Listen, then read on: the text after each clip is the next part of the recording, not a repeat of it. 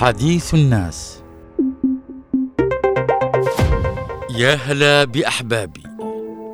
الإهمال عدو الإنسان. صحيح يا إخواني نحن ما نقدرش نبني إنسان إن كنا أهملناه منذ النشأة الأولى لحياته. تعرفوا ليش أقول لكم هذا الكلام؟ أقول هذا بعدما لمست أن بعض الآباء والأمهات غير مبالين بتربية وتنشئة أطفالهم التنشئة الحسنة. صاحبي قال لي اليوم وهو يتكلم بحسرة على أحد أقاربه. قال لي يا صاحبي معي أحد أقاربي أتعبنا أتعبنا إهماله لأطفاله. معه ثلاثة أطفال في سن متفاوتة. يروحوا له آخر الليل مرة يجي له واحد منهم مضروب والثاني تجي من الجيران شكوى عليه وهات لك يا صياح مع الجيران. المقصود الراجل ومراته تعبوا بس هم السبب.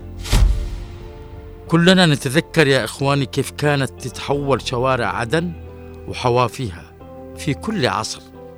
كانت تتحول طبعا إلى أماكن للهو الأطفال ولعبهم وتسمع أصواتهم وضحكاتهم البريئة تملأ الحافة أو الشارع.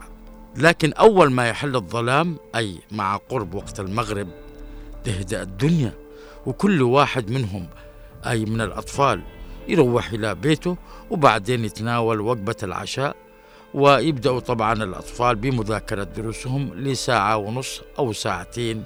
ويتفرجوا مسلسلات الأطفال وبعدين يناموا. وإذا في مذاكرة ممكن أيضا يعودوا للمذاكرة مرة أخرى. لكن الآن بسبب الإهمال من قبل الوالدين طبعا البعض مش كلهم طبعا تبدل الأمر وانقلبت الأمور. الأطفال مع هذا الإهمال تحولوا تقول إلا خفافيش. مش نحن نقول خفافيش الظلام. هم دول الآن تحولوا إلى أشبه بخفافيش الظلام. ينشطوا بالليل ويلهوا ويلعبوا لكن في وقت غير مناسب. ويستمروا على ذلك إلى آخر الليل. ولا من حسيب ولا رقيب من قبل الأمهات والآباء. طبعا هذا فعل الإهمال من قبل بعض أرباب الأسر تجاه فلذات أكبادهم. وطبعا هذا يجعلهم عرضة للخطر. ما دام مع هذا الإهمال يبقى الأطفال إلى وقت متأخر من الليل إيش تتوقعوا بالله؟ توقعوا الخطر خاصة في المرحلة الحساسة اللي نعيشها اليوم. إذا الوالدين الأهل لازم يستعدوا الآن لمواجهة مترتبات إهمالهم لأطفالهم ويتوقعوا أي مكروه لا سمح الله قد يحصل. ليش ما يعرفوا أنه إذا تعرض أحدهم للتحرش من قبل منحرفين في المجتمع. هم بيدخلوا في دوامة. ولا سمح الله الاختطاف أو الاغتصاب وما إلى ذلك. يعني باختصار هذا الإهمال والتسيب قد يشجع المنحرفين على ارتكاب الجريمة بحق أطفالهم لا سمح الله. طبعا إهمال الأطفال إلى وقت متأخر من الليل تكون نتيجته ندم الوالدين وإيش يفيد الندم؟ وهم يعرفوا إن دول أطفال لا يمكن تسيبهم وتهملهم وما تخافش عليهم.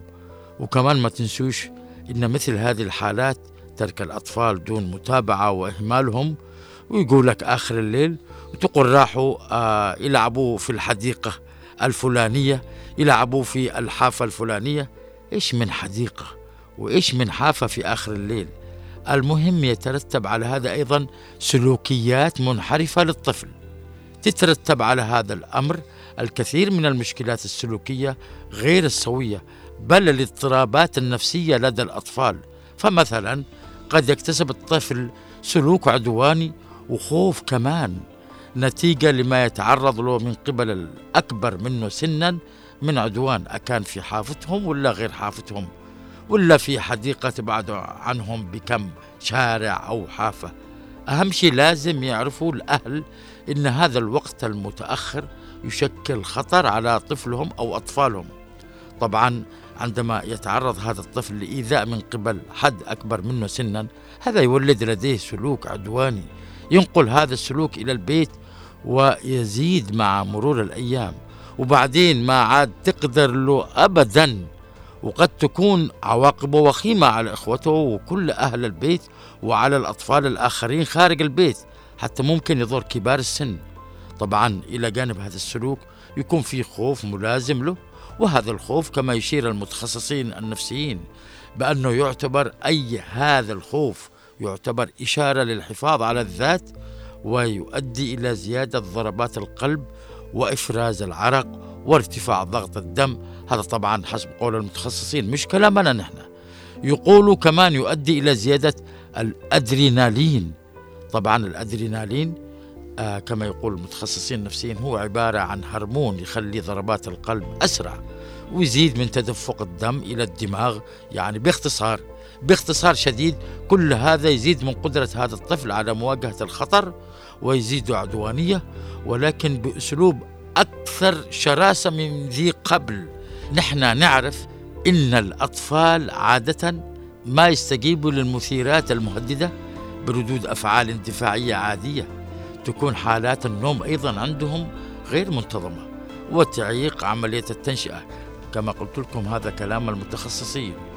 الوالدين الأهل جميعهم مش ناقصين مواجع ومشاكل حتى يهملوا أطفالهم. إيش بيحصل لهم إذا رعوا أطفالهم وتابعوهم ومنعوهم من اللعب إلى وقت متأخر؟ إيش بالله بيحصل إذا عودوهم على نظام إيجابي في تربيتهم لهم ويحددوا ساعات لعبهم ولهوهم بل يقسموا ساعات اللعب والبقاء في البيت للمراجعة مراجعة الدروس في المنزل طبعا وينشئوهم تنشئة حسنة ويفتحوا عيونهم على السلوكيات الإيجابية ويستمروا في توجيه النصح والإرشاد لهم مش كده ولا لا؟